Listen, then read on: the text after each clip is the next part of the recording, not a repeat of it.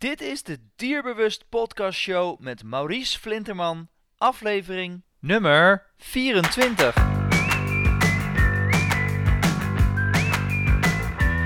Welkom bij de Dierbewust Podcast Show, waarin je luistert naar experts die je voorzien van de beste informatie, tips en tricks op het gebied van honden. Hey, hallo dierbewust luisteraars, top dat jullie er weer zijn. Het is de eerste podcast van, jawel, 2017. En dit moment wil ik gebruiken om juist terug te blikken op 2016 en de speciale momenten van voorgaand jaar met je bespreken. Daarnaast wil ik je natuurlijk ontzettend bedanken dat je luistert en ons de beste support geeft. En ons natuurlijk helpt om dierbewust steeds beter, leuker, maar ook veel interessanter te maken. Een speciaal moment om het jaar te openen en vorig jaar goed af te sluiten. Ik neem je terug in de tijd en ik deel de top 5 aan uh, mijn favoriete momenten uit de voorgaande podcast met je. We starten direct met aflevering 17 en dan neem ik je mee naar geluidsfragment met Petra Driesen. De nadelen van castreren en het belang van de geslachtshormonen. Een heel goed beluisterd uh, podcast met hele interessante uh, gedeeltes over waarom jij je hond niet zou moeten castreren en wat de mogelijke gevolgen zijn als je toch wel van plan bent. Dus um, ik neem je mee en luister met mij mee. Nou, het is zelfs zo dat als mensen mij bellen met, een, met het probleem van een hond die uitvalt naar andere reuien, mijn eerste vraag ook is, is hij gecastreerd? En als zij dan zeggen nee, hij is nog niet gecastreerd, dan adviseer ik ook om dat absoluut niet te doen. Dus okay. uh, eigenlijk adviseer ik totaal het tegenovergestelde. Omdat een hond die uitvalt naar andere reuien, um, dat gedrag wordt dus niet veroorzaakt door te hoog testosteron, het mannelijk hormoon, maar te hoge stresshormonen. Dus de stresshormonen zijn um, eigenlijk op dat moment um, ja, te hoog in het lichaam, te veel aanwezig in het lichaam.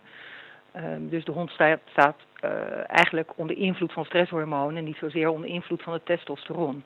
Dus het heeft ook niet zoveel zin om dat uh, testosteron weg te nemen.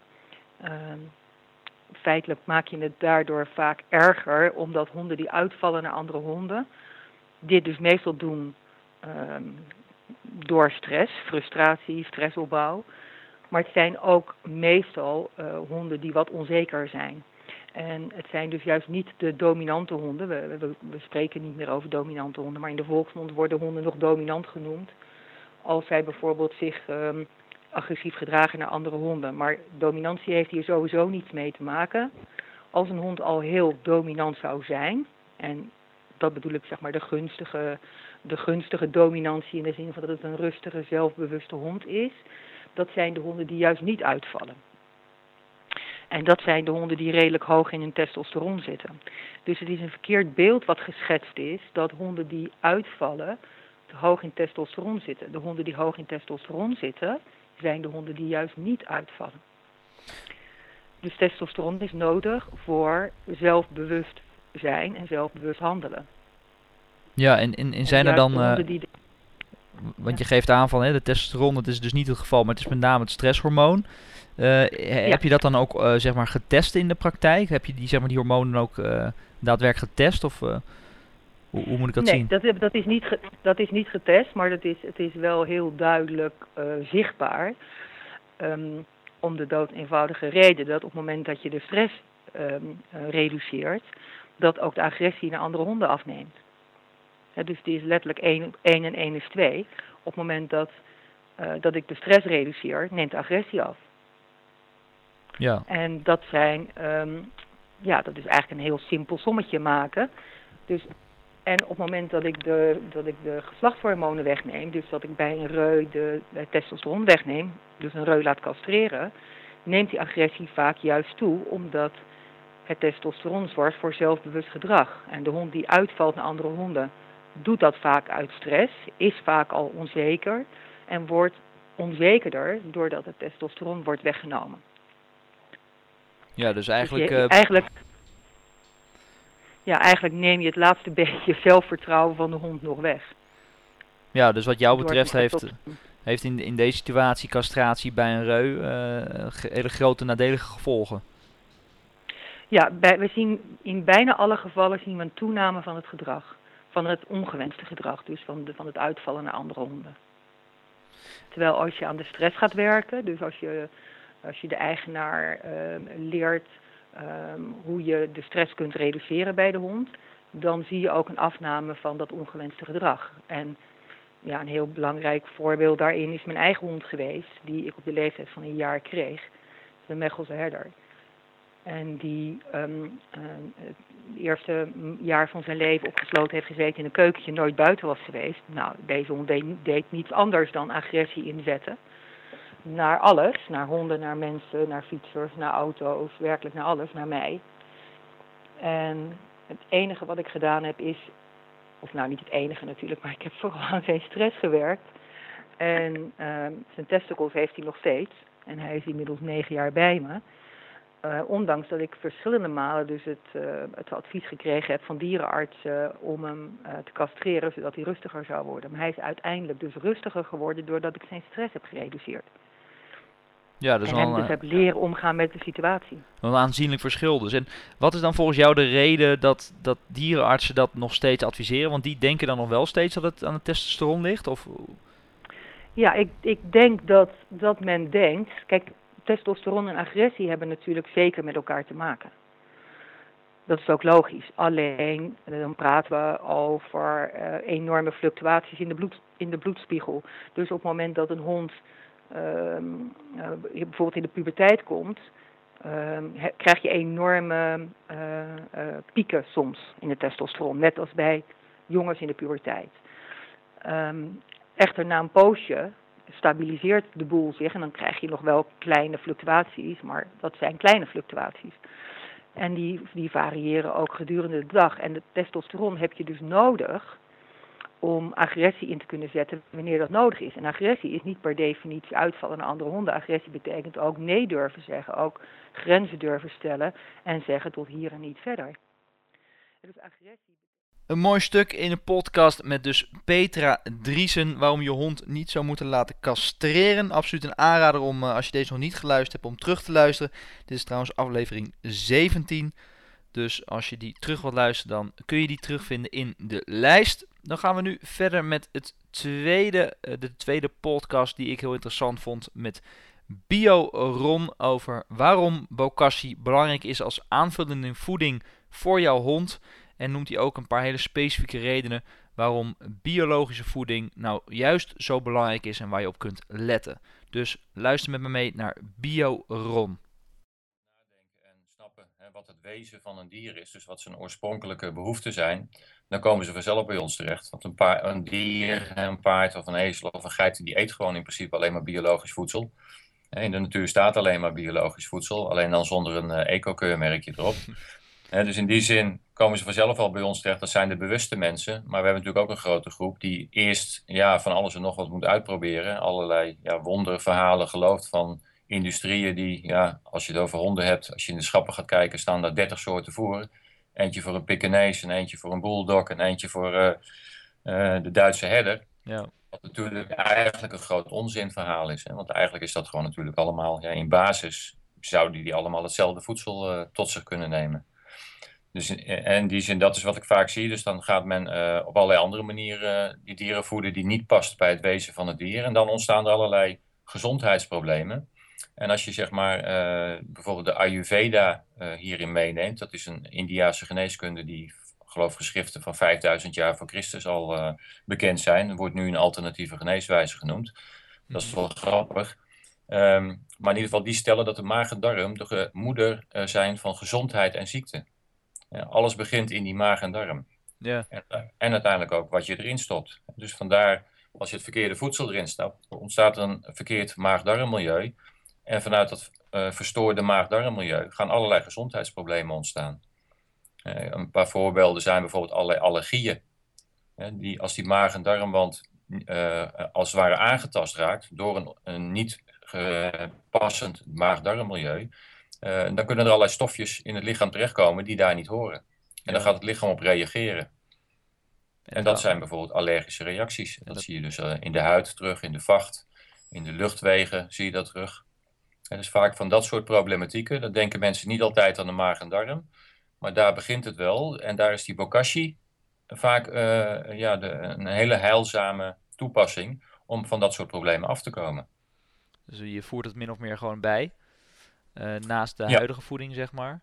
Maar ik neem aan dat uh, als jouw hond na een, hè, want die, die problemen gaan zich vaak pas na een langere tijd aandienen. Hè, dat zo'n, dat is helaas zo. Ja, de jongere honden zie je het niet zo snel, tenzij ze echt heel slecht voedsel krijgen of ze gewoon hè, een zwak gestel hebben, om maar zo te zeggen. Ja. En vaak zie je dus dat zolang die dieren nog in de bloei van hun leven zijn, ja, valt het allemaal niet zo op. Maar eigenlijk als ze een beetje volwassen worden, ja, dan beginnen al heel snel de problemen. En dat zie je ook terug in allerlei rashonden en dergelijke. Ja, die worden ook niet oud. Ja. En dat heeft dus ook een, grote oorzaak dus met de voeding eh, te maken wat jou betreft. Naar mijn idee heeft dat alles met de voeding te maken. En dan natuurlijk los van allerlei andere stressoren waar die dieren mee te maken krijgen. In de zin van eh, niet op de juiste plaats, niet de juiste leiding krijgen. Uh, ja, misschien te veel uh, aan allerlei medicatie gehad. Hè, want dat slaat natuurlijk ook op dat maagdarmmilieu. Als je zo'n dier een wormkuur geeft, alleen dat al schiet gewoon uh, een heel deel van het maagdarmmilieu omver. En dat zijn bijvoorbeeld ook momenten om bijvoorbeeld die bokashi wat meer in te zetten. Dus hè, stel je geeft zo'n dier een wormkuur, nou direct bokashi ernaast zetten als een probiotica om die maag- en darmpopulatie weer op peil te brengen. En uh, dan geef je dat bijvoorbeeld elke dag. Maar hè, bij, gewoon bij gezonde hond onderhoud is misschien twee keer in de week of drie keer in de week een beetje bokashi door het voeren is al voldoende. Ja. ja, plus dat je dan eigenlijk, hè, zeker een hond die problemen heeft, zul je dan ook wel adviseren om wat andere voeding uh, over te gaan. Absoluut. Ja, en, en wat voor soort voeding mee, ja. uh, adviseer je dan? Want je bent zelf geen vleeseter. Um, adviseer dan de, de, de, de, de hondeneigenaren ook open, over te stappen op geen vlees? Of Nee, nee, nee, absoluut niet. Ik bedoel, ja, feitelijk is een hond eigenlijk een alleseter. Hè? Ik bedoel, ik heb een beetje over de wereld gereisd, in grote steden gewoond, waar uh, ja, straathonden leefden en dergelijke. Nou, die moesten leven van wat er uh, in de vuilnisbak zat of wat ernaast lag. En dat was gewoon uh, ja, brood bij wijze van en andere rommel die mensen weggooiden. En die dieren zagen er niet per definitie slecht uit. Ja, ze werden niet zo oud, ook wel deels door het harde leven natuurlijk wat ze leiden. Ja. Maar in principe is een hond een alleseter. Maar ja, aan de andere kant is het wel familie van de wolf en uh, van de andere gegadigden die prooidieren vangen. Dus in die zin past vleesvoeding, rauw vleesvoeding, eigenlijk het, ja, is het meest dichtstbijzijnd van wat zo'n dier in de natuur uh, zou eten. En natuurlijk moet het dan van die kwaliteit zijn dat het bijvoorbeeld biologisch is, of dat het wild is, echt wild, geen uh, gekweekt wild.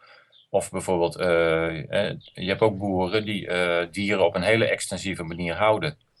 dus die zijn eigenlijk biologisch, maar ja, die kiezen er niet voor om er een eco-keurmerk op te plakken. Want er komt een hele administratie bij en controles, toestanden en verzin het allemaal maar. Ja. Die zeggen gewoon van ja, wij hebben al biologisch, hè, we hoeven dat keurmerk niet. Want... Dus die kwaliteit moet je eigenlijk zoeken. En wat ik zelf doe, we hebben katten hier. om de muizen weg te houden bij de granen en dat soort dingen allemaal. Dus... Een leuk stuk met Bio-Ron over onder andere waarom je biologische voeding zou moeten geven. En waarom je bokassi zou moeten geven aan je hond als aanvullende voeding. Uh, interessant, zeker de moeite waard. Uh, dus te vinden onder uh, Bio-Ron. Waarom is bokassi belangrijk als aanvullende voeding? Aflevering 4. En die zou ik ook zeker terugluisteren. Wat in afgelopen jaar 2016 ook naar voren is gekomen, is het anti teken- en vlooienmiddel Bravecto. Uh, zou dat levensgevaarlijk zijn of is het helemaal niet levensgevaarlijk? Uh, Michael van der Sande heb ik hierover geïnterviewd. Een uh, hondenliefhebber in hart en nieren die helaas uh, volgens zijn eigen zeggen zijn hond is verloren aan het middel Bravecto. En ja, ze verzamelen eigenlijk steeds meer reacties van hondenliefhebbers die een hond wat hun betreft aan uh, ja, het vlooien en tekenmiddel Perfecto uh, zijn verloren. Dus uh, ik neem je mee in deze aflevering waarin hij meer vertelt waarom hij denkt dat Perfecto nou, in ieder geval de oorzaak is geweest van het overlijden van zijn hond Rico. ja, ik ging in begin februari wilde ik op vakantie gaan naar Spanje via Frankrijk, zeg maar, waar we dan een tussenstop hadden. En op 1 februari hebben we uh, op aanraden van onze dierenarts uh, het middel Bravecto gegeven aan onze beide honden. Uh, de dierenarts die zei dat het een heel veilig middel was, wat je zelfs heel goed kon geven bij drachtige teven. dus nou ja, dan denk je van, als het zelfs bij drachtige teven gegeven kan worden, dan, dan zit dat wel goed. En, dus dan denk je van, ja, dat zal wel een of andere je zou bijna denken natuurlijk middelzaar als dat zo zelfs toegepast kan worden.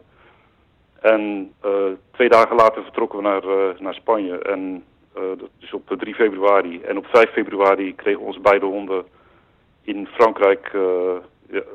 ja, het maakte een soort naar ademsnakkend geluid, zeg maar. En hadden ze allebei hartritmestoornissen. En daar trokken we nogal van. En uh, twee dagen later, toen we in Spanje waren, toen uh, onze, hond van de twee, die kon op een gegeven moment geen 10 meter meer lopen. En ja, helemaal hijgend en een doorgezakte rug en werd onwel. En ja, dus viel een aantal keren flauw. En ja, dat is de dagen daarna steeds slechter geworden met hem. en toen zijn we half eh, februari terug naar Nederland gegaan, vervroegd. En daar werd hij nog slechter eh, en is onderzoek gedaan bij de dierenarts. Die dacht eerst dat, uh, dat de hond hartfalen had. Dachten wij ook. Want ik heb al eens eerder een hond aan hartfalen verloren. Dus je kent die signalen wel een beetje van hoe dat eruit ziet. toen heeft de dierenarts, die stelde voor om een röntgenfoto te maken. En dat heeft hij dus gedaan. En tot zijn grote verbazing was er op het hart helemaal niks te zien. Het hart zag er gewoon gezond uit. En de longen waren ook gezond, dus hij snapte er eigenlijk helemaal niks van. En uh, toen kwam hij met het verhaal uh, dat het uh, misschien een, een, tropische ziekte was. Waar hij dat op baseerde, snap ik eigenlijk niet. Hij, hij is zelf tropenarts geweest. En, maar wij zijn helemaal niet in de tropen geweest. En, en de ziekteverschijnselen begonnen al in Frankrijk. Dus zijn argumentatie kan ik nog steeds niet volgen. Wij noemden toen het middel Bravecto, omdat, uh, omdat het hartfalen dus niet de oorzaak was. Uh, speelden ook wel met de gedachte misschien dat dat middel toch wel invloed gehad heeft. En ja, doordat het dus geen hartfalen was, hebben we dat aan hem voorgelegd. En hij zei toen van Bravecto, dat geloofde, geloofde hij niet dat dat het geweest was. En uiteindelijk zei hij ook van dat dat onderaan zijn lijstje stond. En ook die eh, argumentatie snap ik niet helemaal, nog steeds niet. Dus. Want uh, je maar geeft geval, aan... Uh, mijn hond is dus aan het einde van het verhaal binnen een maand na, na het toepassen van die pil is die overleden. Dus. En daar heb je hem dus aan dosis één, één pil gegeven uiteindelijk? Ja. ja, nou we hebben hem vorig jaar, toen waren, waren we alleen naar Frankrijk op vakantie en toen hebben ze ook allebei die pil gehad. En achteraf hebben we erover nagedacht en die verschijnselen van dat naar ademsnakken hebben ze toen in Frankrijk ook al gehad. En toen hebben daar verder niet zoveel aandacht aan besteed. Het gebeurde een paar keer, maar je schrikt er even van. Maar uh, ja, voor de rest uh, kregen ze helemaal niet. Dus ja, die link hadden we toen nog niet gelegd. En ja, nu dat nu dus weer gebeurde en zo escaleerde, ja, zijn we wel heel erg in die richting gaan denken. Dus. En ja, alle verschijnselen die Rico, zo heet hij hond dan tijdens de aftakelfase heeft gehad, die zijn allemaal zo bizar. Uh, ik heb al heel veel honden gehad in mijn leven. En ik heb nog nooit een hond op zo'n manier zien uh, aftakelen. Dus. Nee, want je geeft aan, uh, je had natuurlijk twee honden. En twee honden, ja. allebei hadden eigenlijk min of meer een beetje dezelfde symptomen. Dus hè, toen je naar, naar, het buitenland ging. En die symptomen waren in eerste instantie dus ademsnakken. Maar daarnaast ja, waren ze gewoon nog gezond in jouw ogen? Ja, we konden met allebei de honden gewoon hele lange afstanden lopen. En, uh, en ja, normaal gesproken als een hond ziek wordt, kijk als een hond kanker heeft of, of een andere uh, onderliggende ziekte, dan, dan zie je een hond langzaam aftakelen. En dat was bij deze honden allebei niet zo. Die konden gewoon, uh, waren allebei vitaal en je kon er gewoon hele lange wandelingen mee maken. Dus, dus was helemaal geen reden om, om te verwachten dat, dat er zoiets zou gebeuren. En, en één hond is dan uh, is er eigenlijk uh, nou ja, heel erg hard achteruit gegaan, Rico uiteindelijk. Uh, ja. en, en hoe is dat met je andere hond dan afgelopen? Want die leeft nog wel, begrijp ik? Ja, gelukkig wel. Ja. die heeft maandenlang ontzettend slechte eetlust gehad. want hij was, of zij was bijvoorbeeld gek op gekookte eieren en, en brood en ja, nog wel meer dingen. En, en ook de gewone eten ging altijd razend snel naar binnen. En uh, nu begint ze weer een beetje eetlust te krijgen. En, uh, en een ei gaat ook weer heel voorzichtig naar binnen. En, maar wat, wat eigenlijk nog het meest opvallende was, uh, is dat de teken vijf maanden... Dit was het ja, trieste verhaal toch wel, mag ik zeggen, van Maaike van der Zanden. Die zijn hond ehm, Rico is verloren aan, volgens hem, het middel Brafecto. Nou, inmiddels is heel veel verhalen over Brafecto die naar buiten komen. Dus ja, mocht je dit hele interview willen luisteren en wil je meer weten over het teken- middel Brafecto, het anti-teken, anti-vlooienmiddel, dan luister dan zeker naar aflevering 8 van de Dierbewust Podcast Show. En daar kun je hem helemaal luisteren. Dan gaan we nu over naar een heel ander verhaal. En dat is met Paul Bul. En Paul, daar ben ik overigens in tussentijd ben ik zelf ook geweest. En dan gaat het over het spiegelen. Dus welk gedrag jouw hond vertoont. Dat kan wel eens de spiegel zijn van het gedrag wat jij zelf uh, vertoont. Heb je daar wel eens op die manier over nagedacht? Een heel, heel mooi interview een heel, heel diepgaand interview waarin ik een, uh, een hele erge klik voel en voelde met, met Paul. En die we in het uh, real-time ook zeker hadden. Ik ben bij hem langs geweest. Ik zal nog een keer bij hem langs gaan om een, uh, een workshop bij hem te volgen. Dus luister met me mee naar Paul Bul over het spiegelen wat jouw hond mogelijk ook bij jou doet. Toen kwam Teun. En um, Judith, mijn levenspartner, zei tegen mij: dat moeten we echt anders doen met, met onze hondjes. Want ik voel, ik merk, het is een Australian Shepherd, die zijn best wel gevoelig. Ze zijn gevoelig in alles wat we doen. Dus op het moment dat we wat, wat zeggen, en op het moment dat we wat uitdrukken, um, zit er soms best wel veel druk op. En ik denk te zien aan Mies dat ze zich daarvan onttrekt. Nou, dat vond ik grote onzin, want dat doen honden niet. Um, maar toen Teun kwam, merkte ik dat wel. Ik ben erop gaan letten en ik merkte dat van dat het wel zo was. En mijn grootste ervaring met, uh, met Teun was op het moment dat ik met hem op de hei was en ik um, iets van hem wilde en ik een, een, een, druk op hem legde, zag ik hem aan zijn ogen. Ik zag dat hij zich afsloot. Hij was er niet meer. En daar schrok ik van. Want dat betekent dat ik dat doe. Dus mijn actie was iets waarop hij zo reageerde. En ik zorgde echt, want ik dacht even dat ik mijn hondje kwijt was. Dus ik moest onmiddellijk mijn gedrag veranderen. En de beloning was er ook onmiddellijk, doordat ik hem weer terug zag keren. Hm. En daarop ben ik gaan reflecteren. Wat, wat deed ik dan? Wat wilde ik dan van hem? En ik kon niks anders zeggen dan dat ik op dat moment gefrustreerd was dat hij mij niet begreep. Maar ik was toch duidelijk, want dit vertelde ik. En dit hadden we al zo vaak gedaan. En dit hadden we al zoveel geoefend. En dit hadden we al zo vaak. Dus was er een actie van mij die een reactie opleverde. En waar begint dat dan? En ik kon niks anders zeggen dat het bij mij begon. Het was namelijk mijn frustratie die ervoor zorgde dat die reactie uh, kwam. En dat intrigeerde. En daar ben ik mee gaan werken. Uh, ik ben naar huis gegaan tegen Judith gezegd van dat ze wel eens een heel goed punt zou kunnen hebben. En ik heb mijn gedrag daarin radicaal veranderd. Ehm, niet meer van, van, van jij luistert, jij doet. Ik ben veel meer op de samenwerking gaan kijken. Veel meer gaan kijken van wat heb jij nodig van mij? En um, goh, dit is eigenlijk wel wat ik zou willen. Uh, hoe kunnen wij dat gaan doen? En daar ontstond een geweldige samenwerking uit. En het gedrag van de honden veranderde ook radicaal. En dat vond ik ook zo ongelooflijk mooi, dat de vergevingsgezindheid van die honden zo groot was.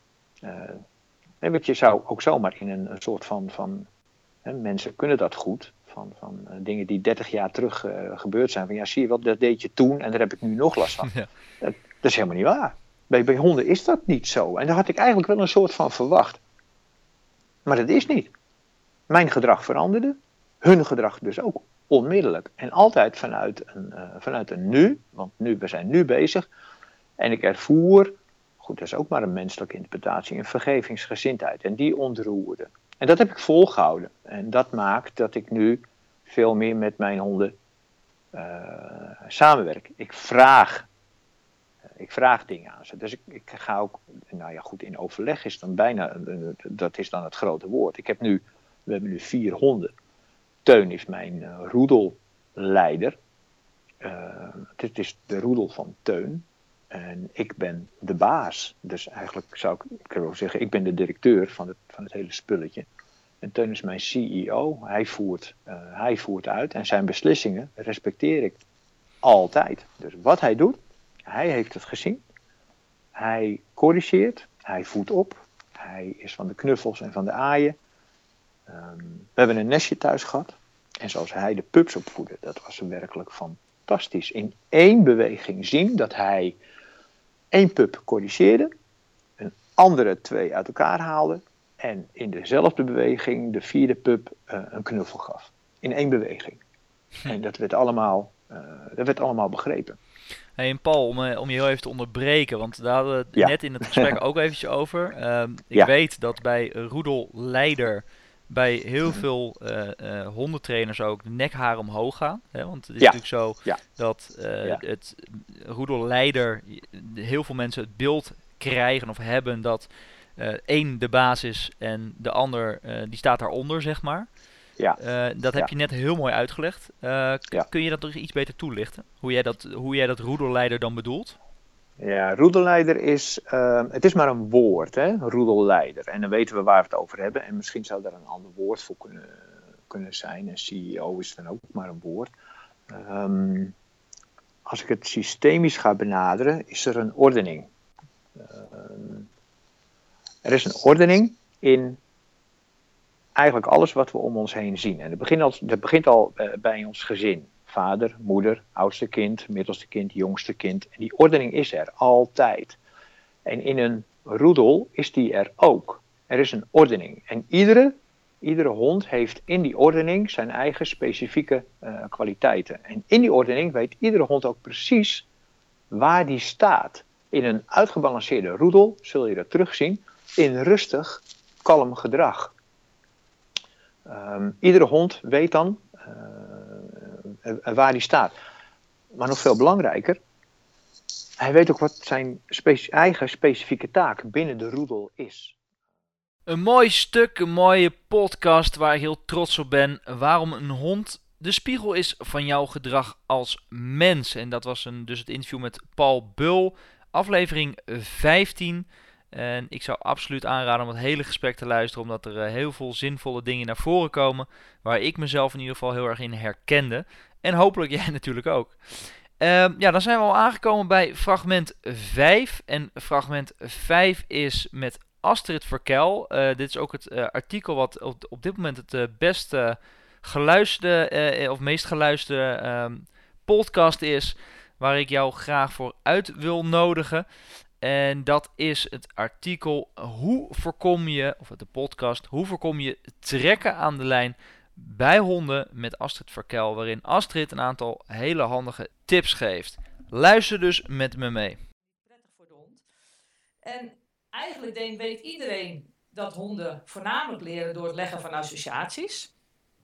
Uh, en ons beeld van wat de hond leert is, uh, is vaak anders dan wat de hond werkelijk leert. Dus mensen reageren dan vaak op een verkeerde manier op het gedrag van hun hond. Yeah. En welke associatie de hond legt, dat weet je niet altijd precies. En dat is dan meteen een goede reden om, uh, om geen correcties te gebruiken. Ja. Zoals je een voorbeeld noemt, dus wanneer een pup gaat trekken en hij tegen een vreemd iemand opspringt, hè, dat willen de meeste eigenaren natuurlijk niet. En de eigenaar corrigeert dat door met de stem te corrigeren, of nog erger door de hond ook weg te trekken. Ja. Leert de hond vaak iets anders dan wat de hond eigenaar eigenlijk voor ogen heeft. Want die denkt van nou, ik leer hem zo dat hij stopt met springen. Ja. Um, het lastige is dat de hond misschien de boosheid van de eigenaar kan associëren met het springen tegen, de, tegen die persoon. Uh, maar dan nog krijg je dat de pup dat niet begrijpt. Hij begrijpt jouw boosheid niet, uh, dus hij kan bang van je worden. Nou, dat is de eerste stap naar een verstoorde communicatie en uiteindelijk relatie die je dan met je hond gaat krijgen. Maar nog groter is de kans dat die pup de correctie niet eens met het springen associeert, maar met de persoon waarop hij tegenspringt. Want daar ligt die focus op. Ja. En dat realiseren mensen zich niet. En wat kan er dan gebeuren? Nou, dat de pup dus bang wordt voor vreemde mensen. En dat is natuurlijk geen enkele eigenaar die dat op deze manier wil bewerkstelligen, maar het is vaak de onwetendheid en het niet beseffen dat het zo, kan scha zo schadelijk kan zijn voor het leerproces en dat de hond dus heel andere dingen leert dan dat jij voor ogen hebt. Ja.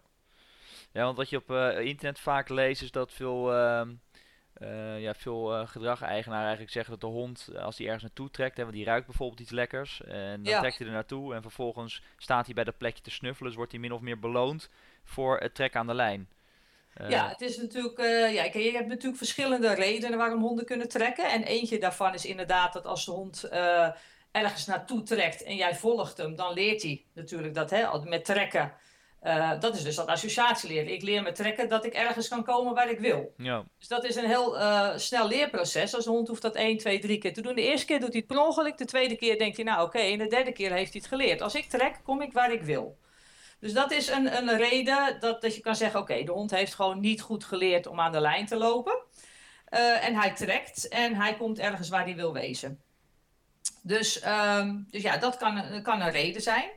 Maar ook het toepassen van correcties kan natuurlijk een reden zijn om, om, uh, om juist nog meer te trekken. En dat snappen mensen dan ook niet, want dat is ook associatieleren. Want als je een correctie geeft, mm -hmm. hè, terwijl de lijn strak staat, als je die correctie wil geven, dan zal je vaak eerst heel even wat druk van de lijn af laten gaan, waardoor die ontspannen is en dan krijgt die hond die correctie. Ja. Dus wat leert de hond? Na ontspannen lijn krijg ik een correctie. Associatie leren. Ja. Dus wat gaat hij doen om dat nare gevoel te ontlopen? Gaat hij nog harder aan de lijn trekken, want hij wil niet dat die ontspanning erin komt. Dus dat is een, ja, een, een, reden dat honden dus juist gaan trekken en eigenaren snappen dat niet. En dan kom je ook in zo'n cirkel, hè? want de eigenaar kan ook nog eens een keer boos worden. Nou, een boze eigenaar, dat is een hond waar een hond wil helemaal niet bij een boze eigenaar gaan lopen natuurlijk. Dus die wil verder van zijn eigenaar af gaan lopen. Snapt die boosheid ook niet, waardoor hij nog meer gaat trekken. En dan kom je echt in zo'n cirkeltje terecht. Ja.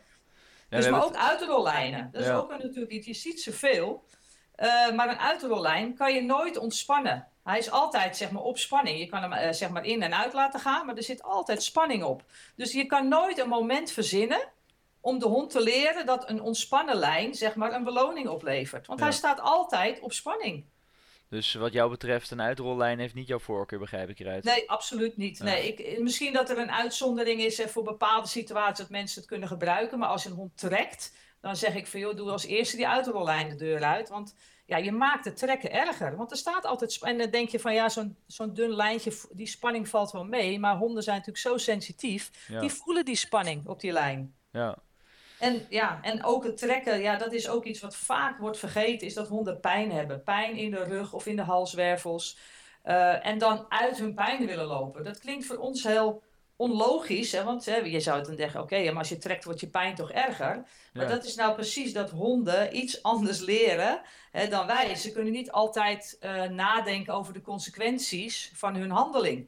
Ja. En, en pijn kan een motivatie zijn om, om weg te willen lopen uit de situatie. Ja, en je hebt het eh, met name net eh, over correcties gehad. Eh, jullie zijn een Ja. hondenschool die met name op een positieve manier trainen. Ja, Ehm, eh, want ja, wat je vaak als advies krijgt en wat je ook eh, op, op eh, online zeg maar leest, dat je een hond, eh, als hij trekt, moet je hem zeg maar naar je toe halen. En op het moment dat hij zeg maar uit de trek, uit de treksituatie komt, dan moet je hem zeg maar min of meer belonen. Het is wat lastig om dat te laten zien, omdat je natuurlijk via de audio het eh, bespreekt. Maar veel mensen zullen het herkennen. hè, Want op het moment dat de hond eh, trekt, dan loop je de andere kant op, neem je hem mee. En op die manier beloon je hem dan. Alleen mensen hebben dan het gevoel dat ze oneindig eigenlijk van links naar rechts aan het lopen zijn. En Ja. dat klopt.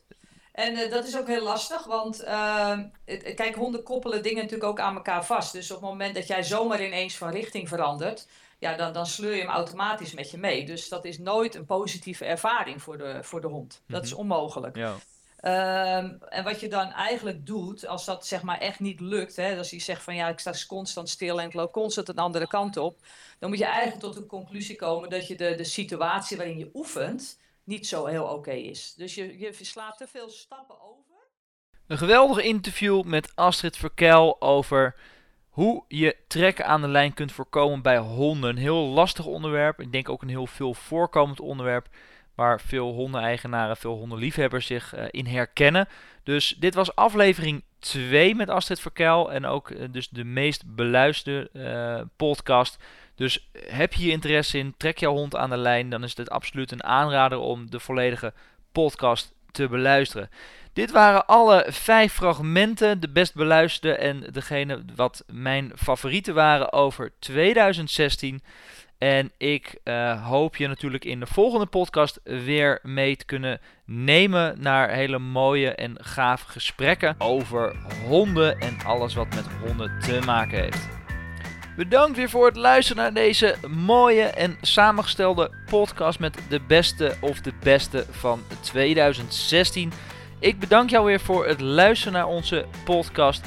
Mocht jij nou lid willen worden, dan kun jij gaan naar dierbewust.nl slash lid. Daar kun je alles vinden over de voordelen die je hebt als lid van Dierbewust. Je ondersteunt ons niet alleen het platform om nog meer mooie podcasts, workshops en nog veel meer dingen uh, te realiseren. Maar je hebt ook een hele mooie community met hondenliefhebbers die elkaar van het beste advies voorzien. Hondengekken in de positieve zin van het woord die elkaar ondersteunen en helpen om een zo goed mogelijk en dierbewust leven voor een hond te realiseren.